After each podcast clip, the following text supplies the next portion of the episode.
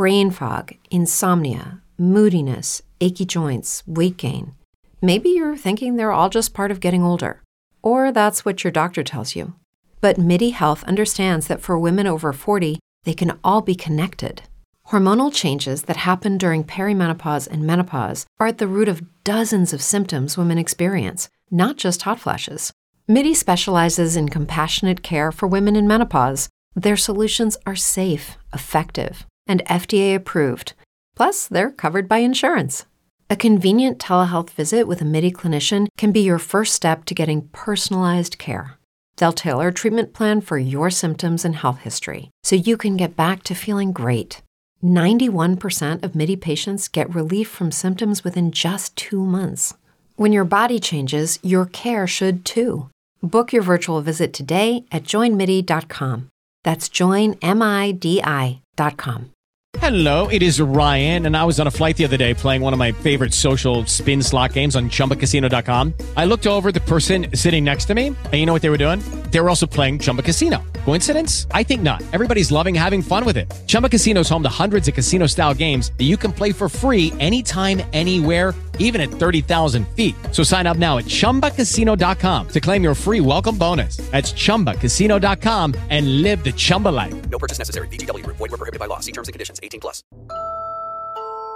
Cerita-cerita seram malam ini adalah sekadar perkongsian sahaja yang teladan kita simpan dan yang syilid jangan dicari.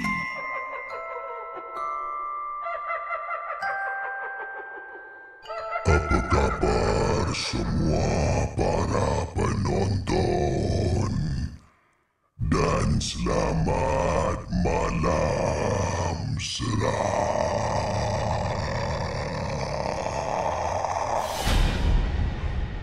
Kita berkumpul berjumpa sekali lagi dalam rancangan Malam Seram. Baik saudara para penonton malam seram. Kisah akan bacakan kisah yang pertama pada lewat malam ini. Kisah ini saya nak bacakan datang daripada pengirim kita Yang ingin dikenali dengan namanya Wahid. Assalamualaikum bro Kisi Waalaikumsalam warahmatullahi wabarakatuh. Saya nak kongsi satu kejadian seram yang pernah terjadi ketika saya sekeluarga telah pun pergi ke rumah makcik saudara yang terletak di Pontian Johor.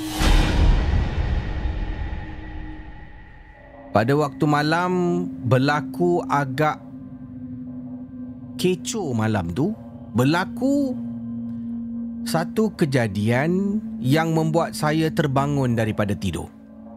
Apabila bangun, keadaan dekat luar bilik dah sangat kecoh. Terlihat ahli keluarga makcik saya, adik-beradik yang juga turut ke rumah makcik untuk bermalam dekat rumah mereka juga berada dekat luar. Dan bukan setakat berada dekat luar bilik Casey. Bukanlah dia mereka berada dekat ruang tamu. Tapi mereka ni telah pun berkumpul beramai-ramai dekat luar rumah di perkarangan rumah makcik saya yang terletak dekat Pontian. Ish, dalam hati saya ni, kenapa sampai kat luar ni? Tiba-tiba terdengar. Terdengar suara seseorang bila pandang dari jauh, eh, ini macam Pak Lah saya. Pak Lah saya tu adalah suami kepada makcik yang merupakan tuan rumah tempat kami bermalam di Pontian Johor. A'udzu billahi minasyaitonir rajim. Bismillahirrahmanirrahim. Terdengar suara Pak Lah yang sedang membaca surah dekat pekarangan rumah dan di hadapan Pak Lah berdiri susuk tubuh seseorang yang saya tak berapa nak cam kerana agak jauh dan tak begitu saya boleh nampak wajahnya. Lalu saya bertanya kepada mereka yang berada dekat luar. Mira, Mira, Mira iaitu salah seorang daripada sepupu saya memandang ke arah tingkap. Siapa tu? Dan mengatakan, Ayu, Ayu. Kenapa dengan Ayu? Tak tahu. Tiba-tiba je bangun kecoh. Ayu dekat luar terpekik-pekik. Itu yang Pak Lah tengah baca tu. Ayu ni adalah salah seorang daripada sepupu yang juga turut bermalam dekat rumah makcik saudara yang terletak dekat Pontian Johor. Pak Cik baca dan baca dan baca. Ayu sampaikan terpekik. Kuat. Dia pekik. Sebelum Ayu lari dan terus masuk ke kawasan semak yang berada dekat depan rumah makcik. Ramai telah pun ikut. Pak Lah memekik. Bawa lampu, bawa lampu, bawa lampu cepat. Kata Pak Lah. Lampu tu lampu solo lah. Dengan segera, makcik saudara saya mengambil beberapa lampu solo yang ada dalam laci. Menyerahkan lampu solo itu kepada beberapa orang saudara yang berada dekat luar rumah. Mereka semua kejar Ayu. Ayu masuk ke dalam semak. Entah tak tahu mereka pergi ke mana. Tapi keadaan pada malam tu sangat-sangat tegang. Saudara para penonton Malam Seram. Hanya setelah lebih kurang anggaran dalam setengah jam.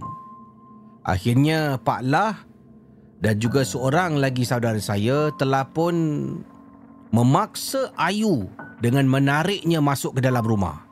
Sambil Ayu ditarik diheret oleh Pak Lah dan saudara saya, kedengaran Ayu terpekik-pekik. Lepaskan aku, lepaskan aku. Bayangkan saudara.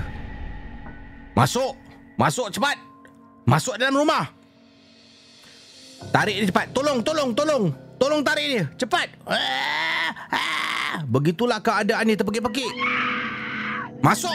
Masuk dalam rumah. Cepat. Masuk.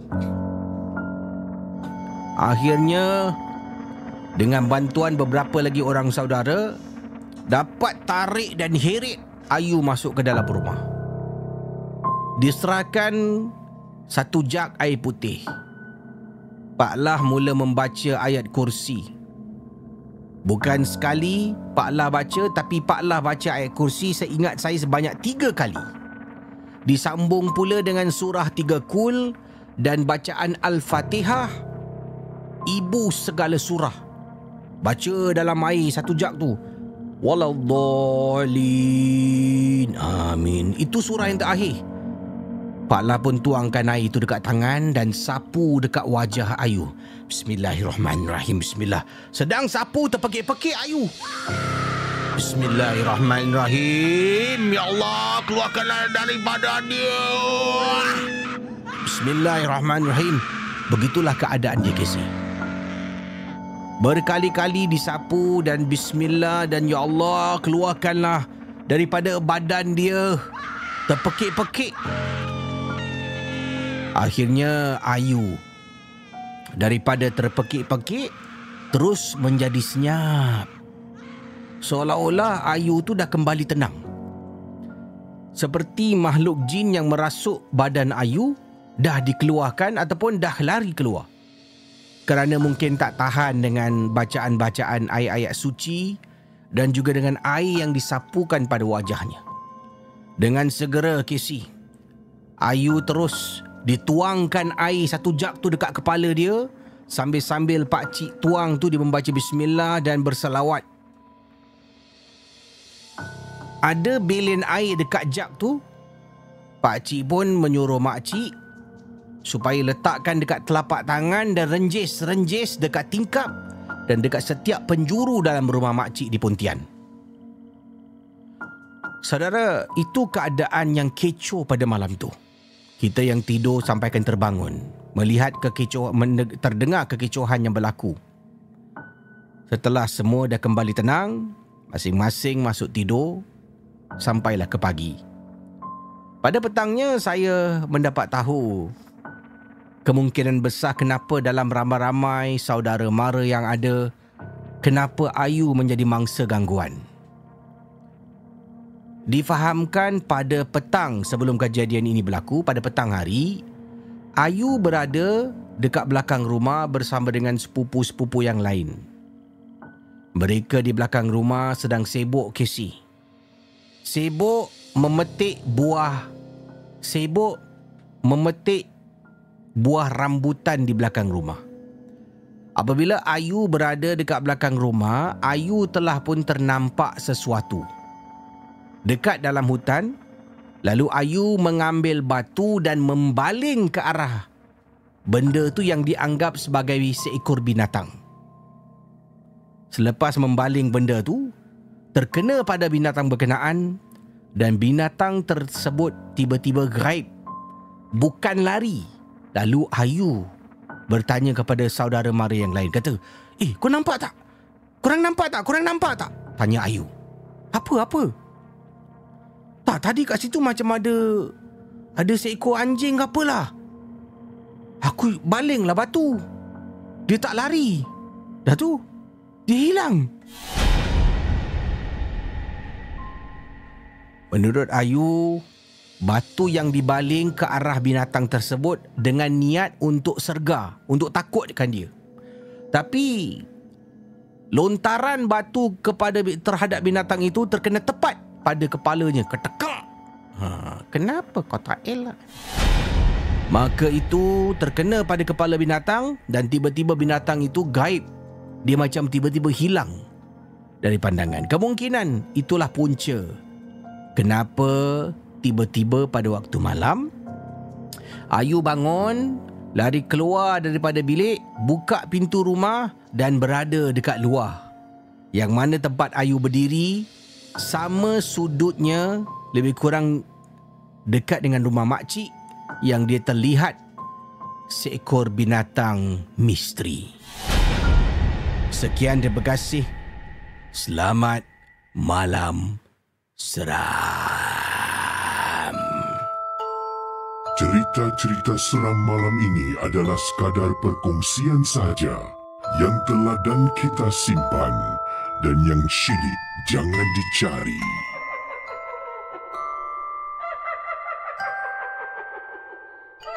Baik, uh, kita nak kongsi kisah uh, selanjutnya. Terima kasih atas kiriman email awal tadi dan pada yang baru masuk gelanggang yang beri salam. Waalaikumsalam warahmatullahi wabarakatuh. Yang ini saya nak bacakan. Kiriman ini datang daripada uh, Miss Riza namanya. Ya, Miss Riza. R-I-Z-Z-A. Miss Riza. Katanya Miss Riza, Assalamualaikum. Waalaikumsalam. Uh, Kisi jangan sebut nama yang tertera di alamat email saya. Kisi boleh panggil saya Miss Riza. Saya nak berkongsi satu pengalaman uh, kisah yang sangat-sangat seram. Dan yang ini terjadi pada saya apabila saya membeli sesuatu daripada seseorang.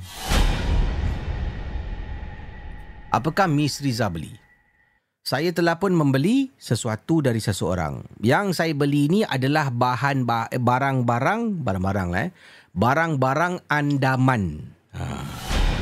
Barang-barang andaman yang digunakan oleh Mak Andam ya uh, antaranya seperti sanggul lintang lah uh, juga ada tepak siri dan sebagainya saya bukanlah seorang Mak Andam maupun seorang makeup artist tapi saya nak gunakan barang-barang tersebut kerana akan ada satu pameran dekat sekolah saya yang akan cakap tentang budaya tradisi Melayu lebih tepat lagi dari segi fashion dan juga ada kena mengena dengan uh, majlis-majlis orang kahwin. Sebab itulah saya cari cari cari jumpa ada seseorang ni yang jual dan barang ini dijual melalui carousel. Jadi dia ada letak lah. Ha, dia ada letak eh mungkin sanggul lintang pengantin, dia ada jual tepak sirih kan. Hmm, dan barang-barang yang lain lah yang ada kena mengena dengan uh, persandingan, majlis persandingan. Setelah membeli barang-barang itu, saya pun uh, memintalah uh, apa ni orang tersebut untuk postkan barang-barang selepas saya bayar. Barang tu selamat sampai ke rumah saya dalam masa lebih kurang dua hari ya sampai dekat rumah. Bila buka dalam kotak tu bukan saja barang-barang yang saya beli daripada dia yang saya pesan, malah dia ada kasih barang-barang tambahan. Uh, ekstra uh, daripada message yang diberikan pada saya dia kata I've given you some additional item just to clear my stock. Dia kata aku ada berikan ya sesuatu uh, tambahan barang-barang tambahan untuk habiskan uh, stok-stok yang aku ada. Uh, terima kasih kerana sudi membeli barang-barang ini daripada aku. Uh, dan kata dia dah lama juga dia jual dekat carousel cuma belum ada orang nak membeli. Uh, posting tersebut telah pun lama uh, mungkin setahun agaknya. Ya akhirnya saya membelinya saya membelinya lah kata Miss Riza. Jadi barang tambahan yang diberikan pada saya antaranya adalah uh, dua keping lah eh. Dua keping wayang kulit. Uh, patung wayang kulit tu kan Kisah seorang anak yang duka Mustafa kerana ibunya batuk. Siapa ingat lagi iklan tu eh? Ha. Antaranya dua keping patung wayang kulit. Selain dari itu juga dia memberikan saya tempat uh, abu, eh, maaf tempat abu pula, tempat bakar kemenyan. Ha, tempat abu. tempat bakar kemenyan. Tak akan tetapi tempat bakar kemenyannya sangat unik. Ia bukanlah seperti yang selalu kita ni, uh, nampak yang uh, mungkin di, uh, diperbuat daripada tanah uh, tanah liat macam tu lah eh. Uh, tapi tempat ini sangat unik. Ia diperbuat sebahagiannya seperti ada tembaga besi. Hmm. Dan ada lagi barang-barang yang lain yang saya tak berapa nak ingat. Selepas saya terima barang tu, saya lihat dan saya masukkan balik dalam kotak yang dihantarkan dan saya simpanlah dekat dalam satu bilik. Uh, sebab uh, barang ini akan saya bawa pergi ke sekolah dan saya akan gunakan untuk dipamerkan atas meja dengan ada sedikit write up tentang setiap barang-barang yang saya ada. Uh, contoh sanggulitang. Sanggulitang is a Malay traditional uh, apa ni accessories outfit bla bla dia macam itulah dalam bahasa Inggeris kan. Jadi orang datang tengok oh budaya Melayu oh ini digunakan untuk pengantin ketika bersanding. Jadi akan baca. Jadi kat situ ada macam kertas A4 kan dia, dia letaklah pada setiap uh, barang-barang ataupun artifak-artifak uh, yang dia ada. Okey. So sementara tunggu hari tu nak sampai, kotak tu yang berisi barang-barang tersebut termasuklah barang-barang percuma yang dikasihkan free gift tu dalam bilik saya Kisi. Saya simpan dalam bilik, saya biarkan. Malam pertama tak ada apa-apa, malam kedua, malam ketiga, masuk malam keempat. Malam-malam tengah tidur dengar.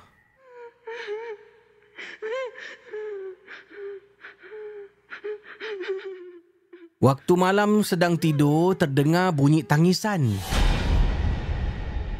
Hmm. Terdengar sangat jelas bunyi tangisan. Dalam hati saya ni, ish, siapa pula yang menangis ni? Ni mestilah ada pasangan suami isteri ke bergaduh kan? Jadi sebab tu boleh dengar orang menangis. Saya pun tidak indahkan, malah tangisan itu berterusan. Sepanjang malam kisah sampailah saya tertidur.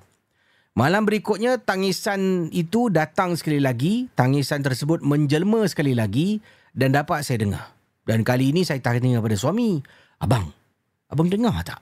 Tadi ada orang nangis." Dah semalam dengar, ini dengar. Kesian eh bergaduh je tu. Kemudian suami pun cakap, "Awak ni dahlah jangan kipu hal orang." Ah, jangan kipu hal orang. Tapi masa saya tanya suami, Uh, masa saya tanya suami, saya pun tak dapat kata uh, jawapan daripada suami dengar ke tidak suara tangisan. Suami cuma tegur jangan kipu hal orang.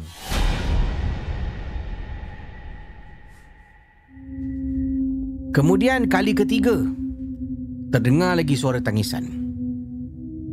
Lalu saya memandang ke arah suami dan saya tanya lagi. Abang dengar tak? Dah tiga hari berturut-turut ni Tiga hari berturut-turut bergaduh dengan orang menangis. Siapa bang eh? Eh, hey, saya ni geram lah. Kemudian suami cakap, Awak dengar apa? Saya tak dengar apa-apa pun. Kata suami dengan selamba. Sambil dia sedang membelik-belik handphone. Saya tarik handphone dia. Abang dengar betul-betul. Dah tiga hari bang, tiga malam tu bang. Kemudian suami dengar. Suami sampai pejam mata nak cuba concentrate ni. Tak tak tak ada lah yang Kata suami tak dengar apa-apa. Tapi masa tu suara tu dah dah tak ada lah, dah senyap. Dah lah mana nak dengar, dah tak ada dah tak bunyi lagi dah. Dan Casey setelah lebih kurang 15 hingga 20 minit Suara tangisan yang saya dengar sejak 3 hari 3 malam yang lalu Muncul kembali Ha, abang, abang Dengar, dengar, dengar, dengar, dengar Dengar tak? Dah 3 malam bang. Bergaduh asyik menangis saja. Abang, dengar tak? Kemudian suami cuba pejam mata lagi. Pejam mata. Eh tak dengar lah Mana ada suara orang nangis? Abang jangan main-main lah bang. Dengar kan bang. Suami konsentrate lagi. Dengar. Eh tak ada lah Casey Suami saya pada masa tu Saya yakin dan percaya dia kata dia tak dengar apa-apa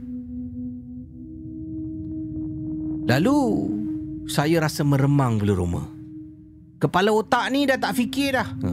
Kepala otak ni dah tak fikir Dah tak fikir itu tangisan perempuan bergaduh dengan suami dengan pasangan. Tak fikir lagi dah.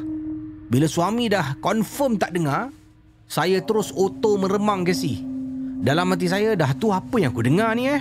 Suami pula main peranan dia kata, Ha, awak tu lah tegur-tegur sembarang. Awak macam begini eh. Tegur-tegur sembarang dia datang baru tahu. Saya marah suami ke si. Suami dimarahi oleh saya kerana cuba nak menakut-nakutkan saya. Dan saya tidur sampai pagi.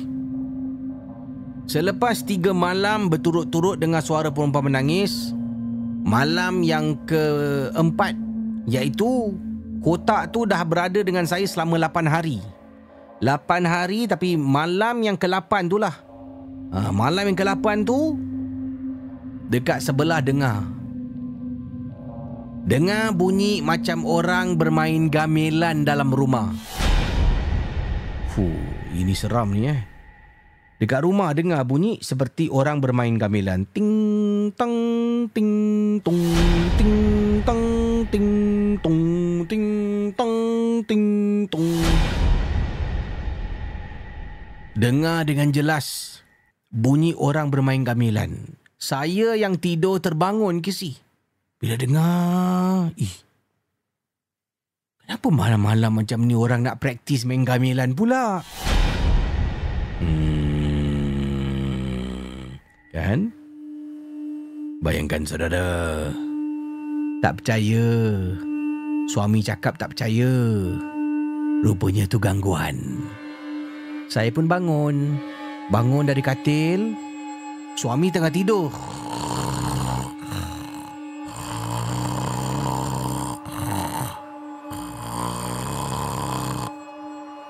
Sedang suami tidur saya bangun buka pintu. Buka pintu bilik.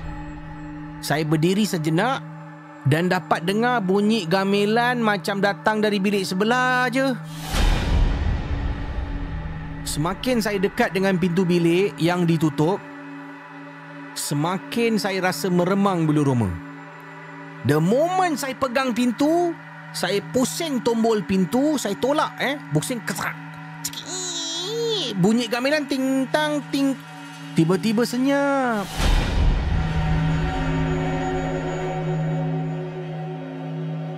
Buka aja pintu, dalam yang dalam bilik yang gelap, benda pertama saya nampak kotak. Kotak yang saya beli 8 hari yang lalu dari carousel barang-barang pengantin. Saya tengok kotak tu dengan bilik yang gelap saya menyangkung buka kotak.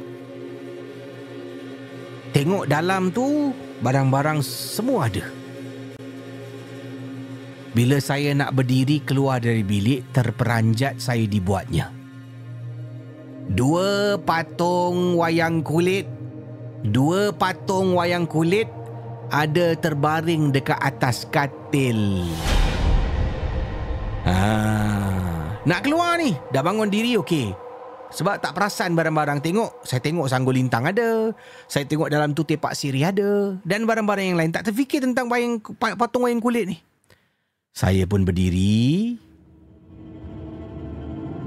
Kemudian saya macam ternampak something atas katil dalam bilik sebelah. Apabila saya pandang, Allahu Akbar. Siapa pula yang keluarkan patung wayang kulit dan letak dekat atas katil? Saya tak berani nak sentuh ke. Saya pergi bilik sebelah, besok pagi saya bangun, saya tanya abang, abang ada keluar tak? Keluarkan barang-barang saya daripada kotak yang saya beli kat carousel tu. Tu barang sekolah tau bang? Tanya suami. Hah? Kotak apa? Barang apa? Dalam bilik sebelah lah Saya ada beli barang kat carousel kan Saya cakap Sekolah saya ada presentation nanti eh, Ada exhibition nanti Saya ada beli barang-barang Abang ada keluarkan eh Saya tak cakap wayang kulit punya barang tak ada. Saya cuma tanya abang ada keluarkan tak? Saya tanya pada suami. Suami kata tak ada lah. Dan memang suami tak ada keluarkan barang-barang apa-apa pun. Saya cuba contact seller yang nak yang jual barang daripada kepada saya. Casey Seller berkenaan Dah tak wujud lagi Eh aku salah type nama dia ke Saya tekan tekan tekan Seolah-olah macam dia katakan Account Not available Anda sedang mendengar podcast dan YouTube cerita-cerita seram bersama dengan Casey Champion dalam Malam Seram. Okey, itu kisah daripada Miss Riza. Terima kasih Miss Riza yang sudi berkongsi pengalaman kisah anda awal tadi. Ya. Ah. Okey, uh, pada yang baru masuk gelanggang, terima kasih diucapkan. Jangan lupa untuk like and share, tap tap tap uh, dan juga anda bolehlah uh, berkongsi kisah pengalaman anda. Hantarkan email kepada saya Casey hmm, ke alamat casey at malamseram.com ya casey at malamseram.com. Terima kasih uh, uh, pada anda yang sudi menonton Malam Seram dan Uh, pada yang beri salam, Waalaikumsalam warahmatullahi wabarakatuh. Jangan lupa untuk hantarkan email ataupun WhatsApp. Boleh tak kalau ada voice note, boleh rakamkan suara. Anda rekod suara dekat uh, WhatsApp anda. Cerita anda tu tak panjang lah dalam 4 minit ke gitu kan. Kemudian anda send pada Casey dan Casey akan mainkan voice note anda. Taliannya seperti yang ada tertera kat bawah ni. Uh, plus 65 8131 0287. Plus 65 8131 0287 dan terima kasih banyak-banyak kepada semua yang menonton malam seram. Dan uh, insyaallah uh, pada bulan September ini ya uh, saya uh, akan terlibat uh, dalam satu acara live uh, di sebuah tempat. Dan acara ini percuma. Hmm, saya diundang untuk datang membaca cerita. Saya akan uh, kongsi dengan uh, pada anda uh, dengan lebih terperinci lagi lah. Ini adalah uh, bersempena dengan satu acara pameran ya. Uh, jadi Uh, nanti akan saya dapat informasinya saya akan kongsi uh, dan anda bolehlah mark your date eh uh, mark your calendar untuk uh, sama-sama ramai-ramai turun bawah kita cerita seram dekat sebuah pameran. Cerita-cerita seram malam ini adalah sekadar perkongsian sahaja yang telah dan kita simpan dan yang syilid jangan dicari.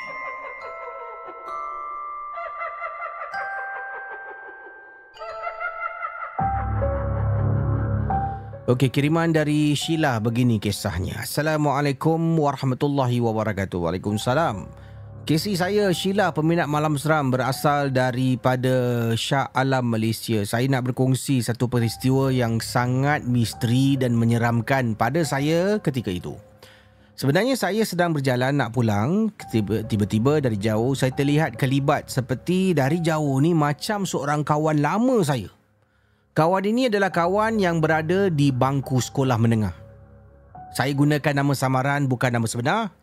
Uh, contoh nama dia uh, kata Sheila nama kawan dia Nuraini lah eh.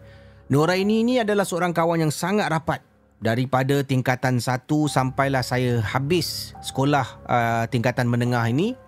Dan kemudian kita telah pun berpisah kerana masing-masing mengambil jurusan peringkat pengajian tinggi yang berbeza. Pada mulanya kita adalah contact each other, kan? Uh, tiba-tiba bila kawan saya ni ada urusan keluarga dan dia terpaksa tinggalkan Malaysia buat seketika, dari situlah kita hilang terus kontak dan saya pun dah tak tahu bagaimana nak cari kawan saya pada masa tu. Tapi sekarang mudahlah Casey dengan adanya sosial media. Dulu belum ada lagi Facebook-Facebook ni semua. So pada masa tu, saya sedang nak balik dan saya terasa saya nampak macam kelibat seorang kawan yang saya dah lama hilang. Dari jauh saya ingatkan dia lah. Nak pekik, takut nanti pula mengganggu orang-orang yang tinggal dekat kawasan tu. Saya pun ikut dari belakang, jalan laju ke si. Jalan di jalan dalam hati saya ni, eh Nuraini, lajunya awak jalan. Saya cuba jalan, jalan, jalan. Okey, makin lama makin nak dekat juga, nak dekat juga. Tapi Nuraini makin lama juga makin jauh dia jalan.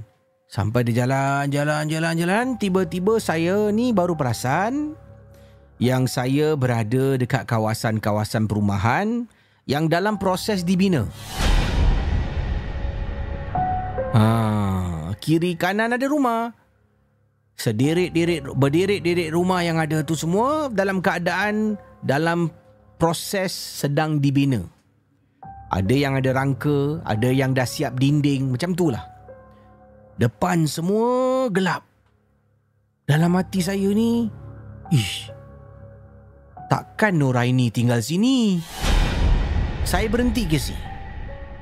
Yang hairan, sejak awal tadi saya kejar kawan saya ni yang sama macam Nuraini. Nuraini tak henti-henti berjalan. Apabila saya berhenti dan saya perasan kerana saya berhenti ni, saya perasan yang saya dah ikut kawan Nuraini ni terlalu jauh, dia pun berhenti. Masa dia berhenti, dia berada dekat depan saya jarak dalam lebih kurang 15 meter saja jauh. Kemudian, saya pun cuba panggil dia. Hey guys, it is Ryan. I'm not sure if you know this about me, but I'm a bit of a fun fanatic when I can. I like to work, but I like fun too. It's a thing. And now the truth is out there. I can tell you about my favorite place to have fun Chumba Casino. They have hundreds of social casino style games to choose from, with new games released each week. You can play for free anytime, anywhere. And each day brings a new chance to collect daily bonuses. So join me in the fun. Sign up now at chumbacasino.com. No purchase necessary. VGW Group. Void were prohibited by law. See terms and conditions. 18 plus. With the Lucky Land slots, you can get lucky just about anywhere. This is your captain speaking. Uh, we've got clear runway and the weather's fine, but we're just going to circle up here a while and uh, get lucky. No, no, nothing like that. It's just these cash prizes add up quick. So I suggest you sit back, keep your tray table upright, and start getting lucky. Play for free at LuckyLandSlots.com. Are you feeling lucky? No purchase necessary. Void where prohibited by law. 18 plus terms and conditions apply. See website for details. Nuraini. Nuraini. I- itu awak ke? Awak ingat tak?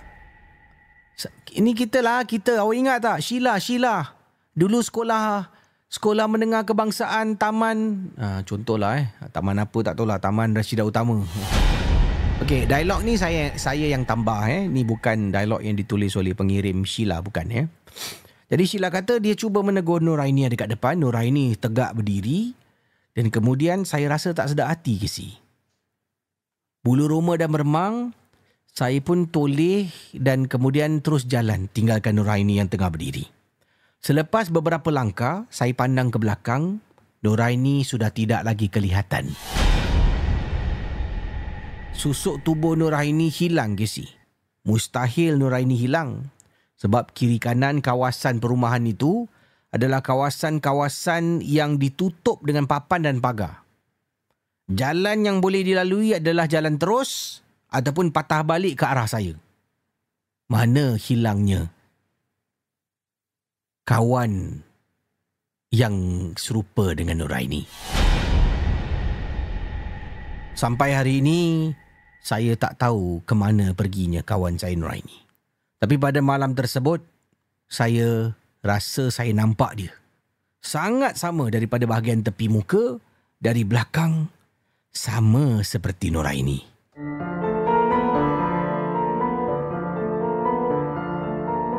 Malam Seram adalah sebuah podcast dan YouTube cerita-cerita seram yang disampaikan oleh Casey Champion. Jangan mudah percaya. Uh, yang ini daripada um, kiriman pengirim kita yang berkongsi apa ni? Eh, ni saya kasi uh, ini dari semalam saya ambil waktu saya buat clocking saya di tempat tugas. Saya tak pasti if angin tolak ke tidak. Tapi menyeramkan. Saya sempat ambil video waktu clocking ni. Casey dan geng Momo uh, nilaikanlah ya. Ha. Thanks Casey for sharing. Assalamualaikum dari Don Nunes. Okay, Don Nunes eh, ada kirimkan video. Sekejap saya cuba forward this video. Okay, dalam video ni kata Don Nunes begini eh. Uh, Hi Casey, saya ada short 15 second video. Dari semalam saya ambil waktu saya buat clocking. Saya di tempat tugas. Saya tak pasti adakah ini angin yang tolak ataupun tidak lah. Tapi I just rasa nak rekod aja tunjukkan pada Casey. Uh, berdiri seorang-seorang kat sini melihat benda ni bergerak menyeramkan lah. Saya sempat ambil video waktu clocking. Casey dan geng Momok nilaikan lah. Ya, haha, thanks Casey for sharing. Assalamualaikum dari Don Nunes dan inilah video yang dimaksudkan. Saya on audio sekali uh, dan kita tengok videonya. Jom.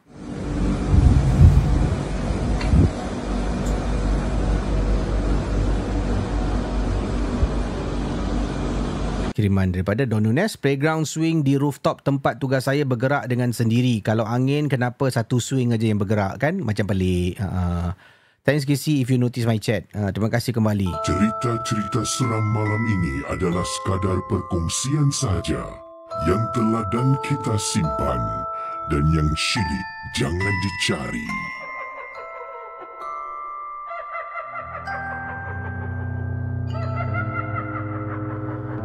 Okey, peristiwa yang Casey nak bacakan kepada anda. Ini kiriman daripada Salam Casey, salam kepada anda. Saya Siti Hawa aka J Nicholas.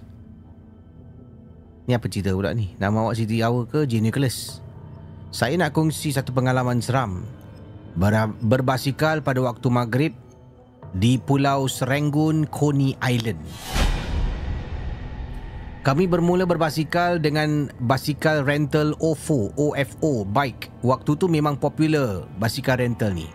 Bermula daripada Waterway Point Punggol, waktu tu selepas 6 petang, kita bercadang untuk berbasikal sampai ke Punggol Jetty, tempat best untuk chill. Kalau cakap pasal Punggol, memang situ ada sejarah perang Jepun, massacre. Tapi masih tu uh, tapi masa tu kita tak teringat pun lah tentang kejadian peperangan dan juga ada kematian-kematian ketika peperangan dekat kawasan Punggol tu. Tak teringat pasal benda ni. Berbasikal macam biasa. Kita menikmati pandangan keindahan di sana mula dari Water Point, ikut jalan Park Connector PCN, sedang berbasikal tiba-tiba basikal saya ni berhenti sendiri. Tengah kayu kayu kayu kan. Kayu tu dengan members lah sambil borak-borak-borak. Tiba-tiba eh kenapa basikal aku tiba-tiba berhenti ni? Maklumlah basikal rental kan. Ha, kita gunakan apps. Jadi saya check apps lah. Ha, check uh, apps OFO Baik ni daripada phone saya Dia letak masih ongoing. Pelik pula Kenapa basikalnya sendiri terhenti? Jadi saya cubalah lagi restart. Masih tak berfungsi basikalnya. Tapi appnya okey Terus saya stop right? Dari app saya uh, Saya cuba lagi restart Masih tak berfungsi basikalnya. Tapi nampak app tu macam okey lah. Jadi saya pun beritahu kawan saya No choice lah kena cari satu lagi rental bike yang paling dekat. Terpaksa lah saya kena berjalan kaki. Sedang kawan saya berbasikal Saya mencari basikal lain. Hari tu memang tak ada mood lagi dah Kisi uh, Sebab jauh Kisi kena jalan. Sedih kan Cari-cari kebanyakan basikalnya tidak berfungsi. Dah lah tempat tu gelap, sunyi. Masih tu ada construction lagi. Ini lama dulu Casey. Uh, kawasan Punggol tu pun banyak dalam keadaan sedang dibangunkan. Site yang ditutup tu uh, agak gelap. Lampunya malap. Tak uh, sangatlah ramai orang dekat situ. Dan ketika itu memang belum popular lagi tempatnya seperti sekarang kan. Uh, dulu memang Punggol uh, N ni tempat dia sangat sunyi. Dan sekarang agak dah ramai lah tempat tu popular. Jadi setelah berjalan dalam 15 minit gitu, baru dapat basikal yang berfungsi. Dan teruskan perjalanan. Kalau nak pergi jetty tu, kita kena lalui Coney Island. Sedang hendak menuju ke Coney Island, Along the way tu kita masuklah Serangoon Reservoir. Along Coney Island, tempat dia macam ala-ala forested gitulah. Tempat dia macam tempat semak-semak. Jadi kita teruskan berbasikal. Tiba-tiba basikal kawan saya pula yang berhenti. Pelik kan? Tadi basikal saya, sekarang dia pula tak boleh kayu. Eh, kenapa ni? Asyik ada masalah teknikal je. So macam biasalah. Saya check pun apps, saya check lah eh, aplikasi. Ya kita tengok dekat app tu dia kata masih ongoing. Rental basikal tu masih ongoing. Tapi kenapa tak bergerak ni? Ah, so saya pun kena fikirlah pula kan? Uh, kenapalah dia nak kena buat hal kat sini? Uh, tu saya bilang kawan saya jangan khawatir kita jalan je lah sama-sama. So kita continue lah lagi berjalan. Saya pun jalan dengan dia. Jalan-jalan semakin jauh kita tengok tempat tu semakin seram pula. Kalau tadi naik basikal kita kayu basikal apa-apa kalau terjadi pun boleh jugalah kayu laju. Yang ini nak lari ni susah. Jadi kita pun ternampak dua orang berbasikal je. Lepas tu terus macam Orang tu Last two person kita nampak. Tadi tengah jalan kaki ni Nampak ada dua orang kayu basikal Ada juga ada orang. Lepas tu dah jalan Jalan jalan jalan jalan. Eh tak ada orang lagi ke Nak pass by kat sini? Ke kita dua orang aja Wak? Kita masih continue berjalan Casey. Seram memang seram. Tapi apa nak buat? Tawakal aja lah Dah ada kat dalam kawasan tu So kita sambil jalan tu kita berbual-bual. Buka lagu lah semua. Jadi macam bila tengah bercakap tu kan Ada jugalah background music kat belakang tu. Taklah sunyi sangat. Ah, Tiba-tiba kali ni bukan basikal. Casey tahu tak Apa kita nampak? That time bila tengah jalan Coney Island tu Pulau Coney tu masih berada dekat sebelah Casey. Dekat sebelah kita. Ya masih dekat sebelah. Jadi Tengah jalan-jalan-jalan Nampak apa? Uh, Sebelah tu Dekat hutan terdengar suara macam pak cik. Seorang lelaki lah boleh dikatakan. Suara seorang lelaki. Eh, saya tengok kawan saya, kawan saya tengok saya. Eh, ken- eh kau dengar tak? Kau dengar tak? Bismillahirrahmanirrahim.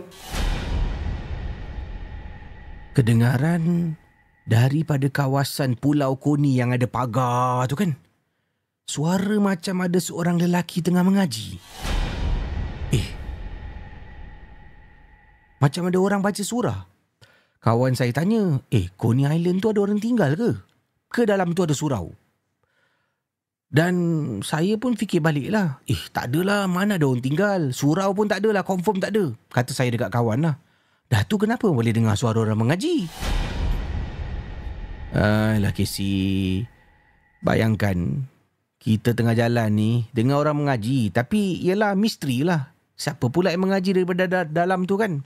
Jadi dalam hati ni Pakcik siapa pula yang tinggal kat dalam tu Aduh, apalah nasib. Ha, dan kita terus jalan lah, jalan, jalan, jalan. Sambil jalan tu dalam keadaan tengah jalan masih dengar lagi suara yang berkumandang sedang melaungkan bacaan-bacaan surah. Mungkin agaknya dia nak bantu kita halau hantu yang ikut dari belakang agaknya.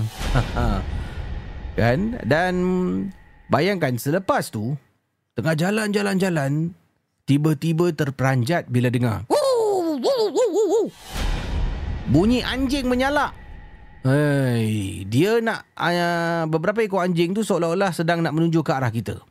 Kawan saya cakap, eh dia macam makin dekat lah, makin dekat lah. Kata kawan saya, anjing beberapa anjing tu yang kelihatan mula-mula jauh, kedengaran jauh. Tapi makin lama makin dekat, makin dekat. Jadi kita semua takut lah Casey. Ha, yang berlaku? Ha, tak kata apa-apa, campak je lah basikal yang tadi saya tolak bersama dengan saya. Angkat kaki dengan kawan, terus lari lintang pukang Casey. Bila lari, ha, boleh rasakan yang anjing-anjing tu cuba nak kejar kita. Tapi nasib baiklah, ya kita pun dah sampai dekat area HDB. Jadi makanya anjing tu pun takut nak menuju ke arah blok. Dah pun uh, anjing tu dah beredar, rasa perasaan ni lega sikit. Kawan saya cakap, kita naik teksi je dah balik. Tak payahlah nak berbasikal lagi. Itulah pengalaman seram ketika berbasikal. Dan cerita misteri kedengaran suara orang mengaji dekat Coney Island. Cerita-cerita seram malam ini adalah sekadar perkongsian sahaja yang telah dan kita simpan dan yang syilid jangan dicari.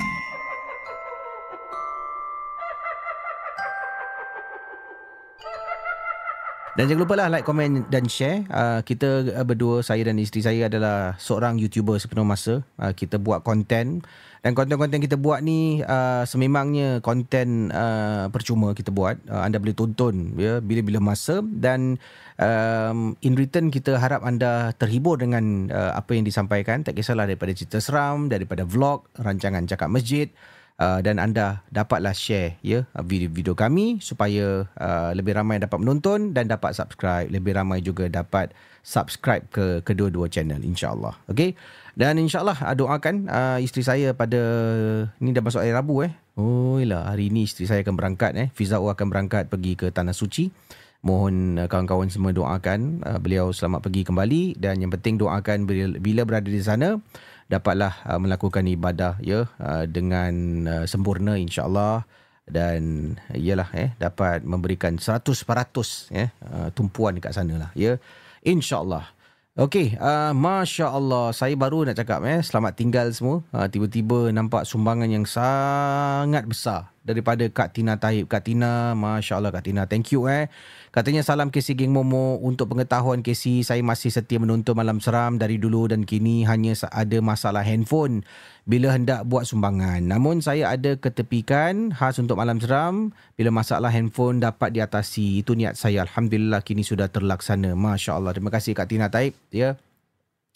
Doa saya untuk Katina, semoga Katina sentiasa sihat dan dalam keadaan uh, apa ni yang baik-baik dan uh, sejahtera lah hendaknya. InsyaAllah. Terima kasih Katina sekali lagi atas sumbangan anda untuk support channel Malam Seram. Cerita-cerita seram malam ini adalah sekadar perkongsian sahaja yang telah dan kita simpan dan yang syilid jangan dicari.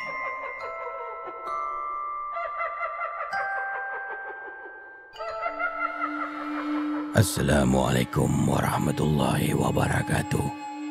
Waalaikumsalam. Nama saya Wak Man. Wak nak kongsi satu peristiwa seram ke si. Ini adalah kejadian yang berlaku kepada jiran Wak. Waktu malam, pintu rumah Wak diketuk dalam keadaan cemas. Wak buka pintu nampak jiran anak beranak depan pintu rumah dalam keadaan ketakutan minta izin boleh masuk rumah Wak tak? Wak benarkan mereka masuk. Wak cakap istighfar, bawa bertenang. Kenapa ni? Tolong ceritakan satu persatu. Pertama sekali keluar daripada mulut dia, dia kata hantu. Hantu. Sambil nafasnya tercungak-cungak termenga-menga. Dia kata, hantu. Hantu Wak. Hantu apa? Hantu apa? Bawa bertenang dulu. Bawa bertenang, cuba istighfar, istighfar, cuba istighfar, bawa bertenang dulu. Kemudian isteri Wak sedang buatkan air untuk mereka, air kosong. Mereka minum seteguk air dan barulah mereka dapat ceritakan. Ketika mereka dalam rumah tu sedang tidur, mereka terdengar bunyi barang jatuh yang sangat kuat Lalu bila jiran sebelah isterinya buka pintu bilik, dia ternampak ada seorang perempuan merangkak masuk ke dalam bilik anaknya sebelum anaknya terpekik beberapa saat selepas penampakan itu. Ha, jadi maknanya mak dia dah buka pintu dah eh buka buka pintu bilik kan sebab benda jatuh. Boom. Ha, bunyi kuat lah. Mak dia terbangun, mak dia pun buka pintu. Bila buka pintu, dia ternampak ada seorang perempuan tengah merangkak. Itu mungkin dia dah nampak jauh lah. Macam Seorang perempuan sedang merangkak masuk ke dalam bilik anak. Uh, ke bilik anaknya. Dan beberapa saat selepas itu, kedengaran anaknya terpekik kuat. Lalu uh, suami isteri pergi ke bilik anak anak terperanjat dan ter- bertanya apakah benda itu apakah benda itu dalam bilik tak nampak pun wanita yang merangkak tadi. Dan kata jiran sebelah dia tak sempat nak beritahukan uh, nak beritahu suami. Uh, dia pun lari keluar. Suami pun ikut tanpa tahu sebab kenapa dia lari keluar daripada rumah bersama dengan isteri dan anaknya. Itulah kali pertama suaminya dengar ada hantu dalam rumah. Suami terperanjat. Boleh lihat daripada raut wajah Dia kata uh, bila saya tanya, Wak tanya kepada suami, awak nampak tak wanita yang merangkak seperti dikata oleh isteri? Saya tak nampak, Wak. Waktu saya bangun, isteri dah kejutkan saya untuk keluar rumah. Hmm. Dan Wak ni Hello, it is Ryan, and we could all use an extra bright spot in our day, couldn't we? Just to make up for things like sitting in traffic, doing the dishes, counting your steps, you know, all the mundane stuff. That is why I'm such a big fan of Chumba Casino. Chumba Casino has all your favorite social casino style games that you can play for free anytime, anywhere with daily bonuses. That should brighten your day a little. Actually, a lot. So sign up now at chumbacasino.com. That's chumbacasino.com. No purchase necessary. Group. Void were prohibited by law. See terms and conditions. 18 plus. adalah seseorang yang seringkali didatangi, dikunjungi oleh insan-insan seperti ini ketika mereka dalam keadaan ketakutan. Bukan apa, bukan nak bukan nak cakap wak ni handal, tapi adalah sedikit ilmu yang wak belajar. Wak pun cakap dekat dia, tunggu dekat sini, wak pergi masuk rumah kamu, wak tengok apa yang berlaku. Wak pun pergi ke si. Pintu rumah dah terbuka luas. Ha. Terbuka luas. Wak pun masuk dalam rumah dia. Tengok dalam rumah ruang tamu gelap. Wak buka lampu. Bila berada dalam bilik salah satu bilik, Wak rasa tu bilik anak dia lah. Confirm bilik anak dia. Wak nampak dekat hujung katil. Katil anak dia ni jenis katil yang tinggi si. Mungkin saiz ni adalah saiz king atau saiz queen. Dan katilnya tu tinggi. Bila nak naik tu agak sukar lah. Jadi bila katil tu tinggi dari jauh awak nampak dekat sebelah hujung katil seperti ada kepala orang yang tengah tunduk. Nampak kepala hitam ke si? Ha, rambut dia nampak bahagian atas. Wak tengok, ish. Wak pun mula baca Al-Fatihah. Kemudian Wak tanya, Ni kamu buat apa dekat sini? Ini bukan tempat kamu. Keluar kamu daripada rumah ni. Ha, kamu keluar. Kalau kamu tak nak keluar, nanti kamu akan aku tangkap. Aku nak kamu keluar. Wak pun keluar daripada rumah tu. Duduk dengan jiran kata tak apa duduk sini sekejap lagi sejam lebih lah eh. Ha, duduk tak apa tak kisah. Wak pun nanti boleh tidur. Sebab mereka khawatir mengganggu. Kemudian selepas satu jam Wak patah balik dalam rumah tu Rasa seram dah tak ada kisi. Kalau tadi rasa masuk meremang Berdiri depan pintu bilik anak tak ada. Tengok dekat tepi katil tak ada. Wak jalan masuk dalam tengok sekeliling katil Tengok bawah katil pun tak ada. Bilik sebelah dapur, toilet Semua dah tak ada. Semua dah clear.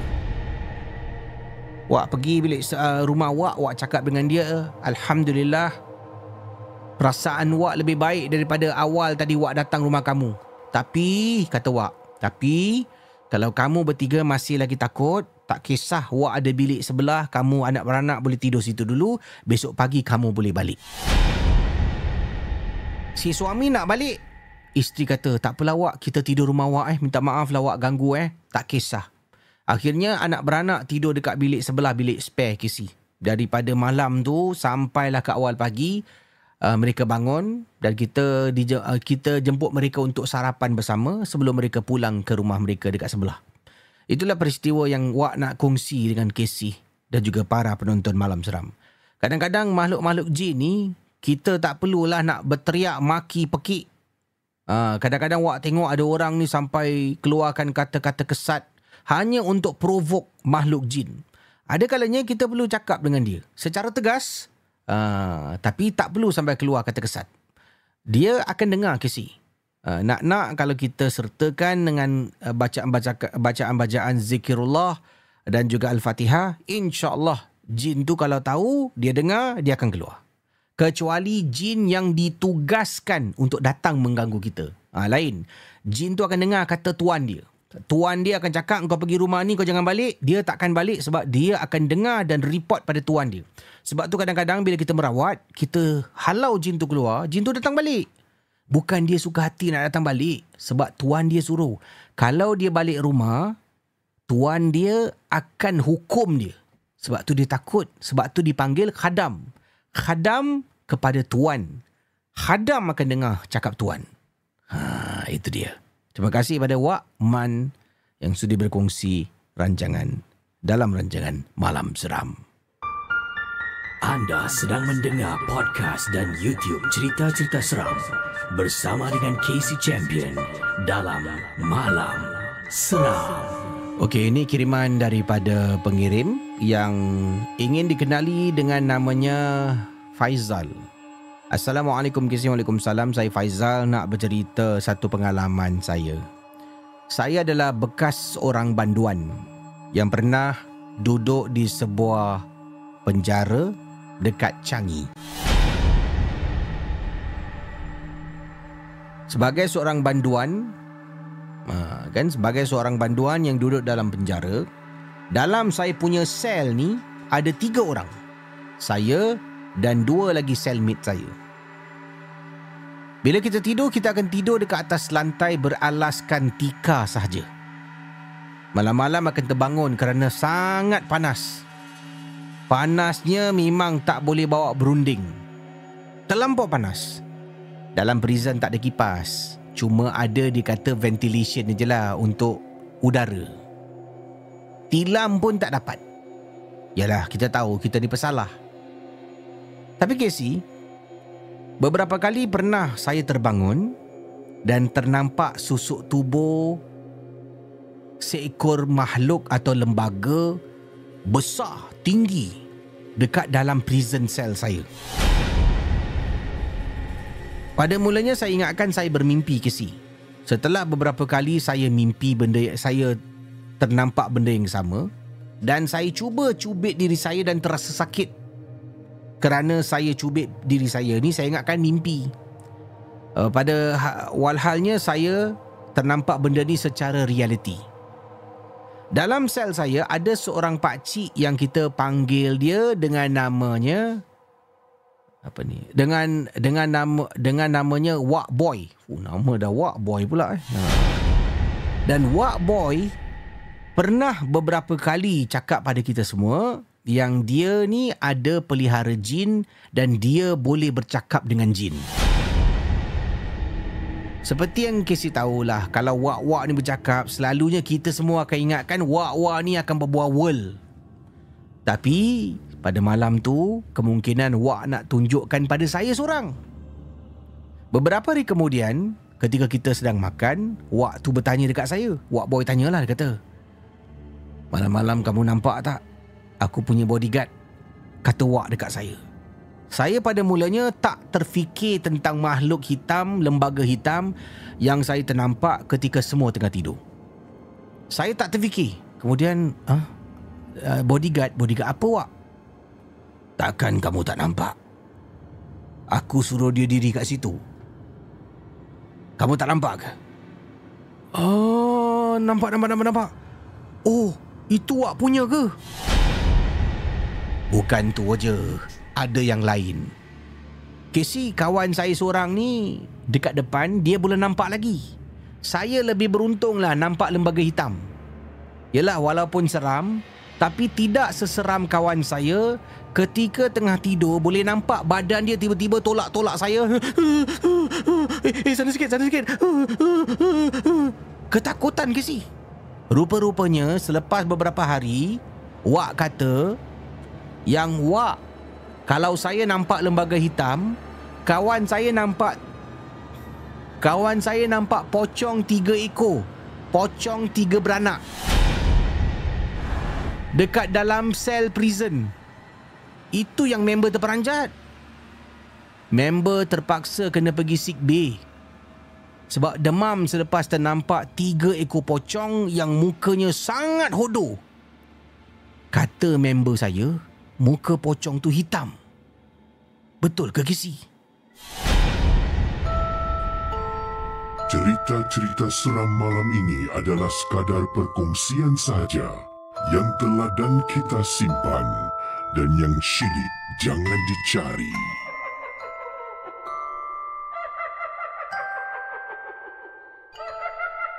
Kisah uh, yang saya nak bacakan dengan tajuk Ingatkan Jiran Lupanya Jin Jin Run katanya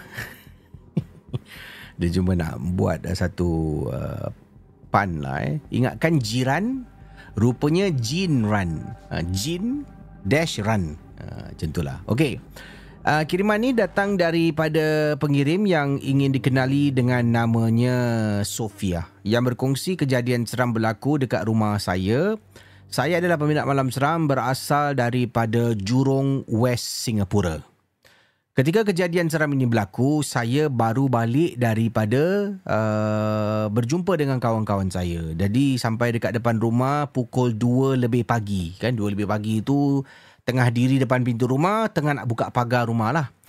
Akan tetapi, de, sebelah rumah saya ni adalah rumah jiran. Dan deretan daripada uh, rumah saya ni sampai ke rumah jiran, jiran saya ni ada letaklah beberapa pasu-pasu bunga. Kan uh, pokok-pokok bunga yang ada kat situ. Dan sebelah pokok bunga tu dia ada macam satu tempat duduk, bench yang letak depan rumah jiran. Jadi kalau ada orang duduk, kadang-kadang kita saya tak perasan Casey. Sebabnya tertutup dengan pokok-pokok bunga yang ada. So tengah duduk apa ni tengah nak buka, nak buka pintu ni tak perasan dekat sebelah tu ada jiran tengah duduk. Saya terperasan apabila terdengar bunyi kaki dia tapping kaki dia macam. Ha, kaki dia tap on the floor. So bila dengar berbeza tak tak saya pun terperanjat terperanjat dan lalu saya toleh ke sebelah eh jiran aku tengah duduk kat luar lah. So saya kenal jiran sebelah saya. Saya panggil dia Kak Maria. Saya pun kata, Kak Maria, terperanjat lah adik. Ha, kata saya dekat Kak Maria lah. Kak Maria, terperanjat lah adik. Allah, Kak Maria ni. Oh, ingatkan tadi tak ada orang kat luar. Kenapa duduk diam tercegat seorang pukul 2 pagi macam tu? Kata saya, kata uh, Sofia dekat jirannya. Saudara para penonton malam seram. Saya pun buka pintu. Ketak, ketuk, ketak, ketuk. ketuk. Kemudian, saya nak cakap dekat Kak, Kak Maria lah. Ya, Kak Maria, good night eh. See you tomorrow. Bila nak cakap good night, saya tengok dia lah. Saya tengok dia. Eh, mana Kak Maria? Kak Maria dah tak ada ke sih? Saya tengok rumah dia pintu dah tutup dah. Eh, tak mungkin lah Kak Maria tiba-tiba sekejap hilang. Masuk rumah, kedebam. Terus pergi toilet, mandi. Besok,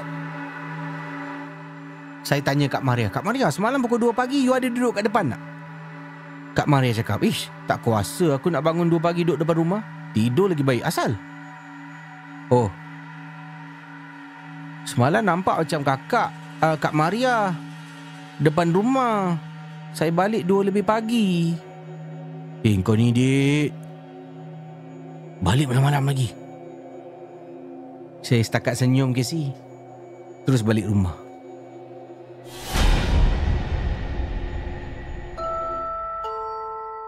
Cerita-cerita seram malam ini adalah sekadar perkongsian sahaja yang telah dan kita simpan dan yang syilid jangan dicari.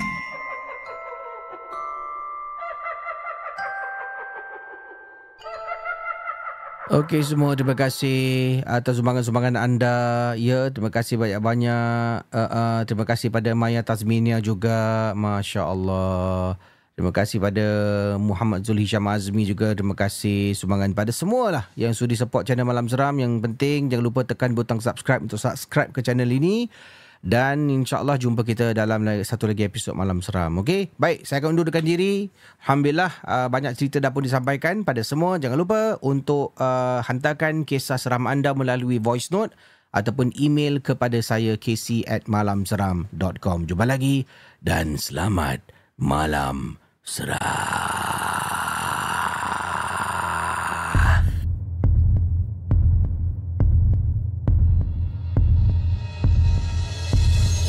Terima kasih kepada anda yang sudi mendengar Malam Seram, sebuah podcast dan YouTube cerita-cerita seram yang dikongsi oleh Casey Champion. Kita jumpa di lain episod.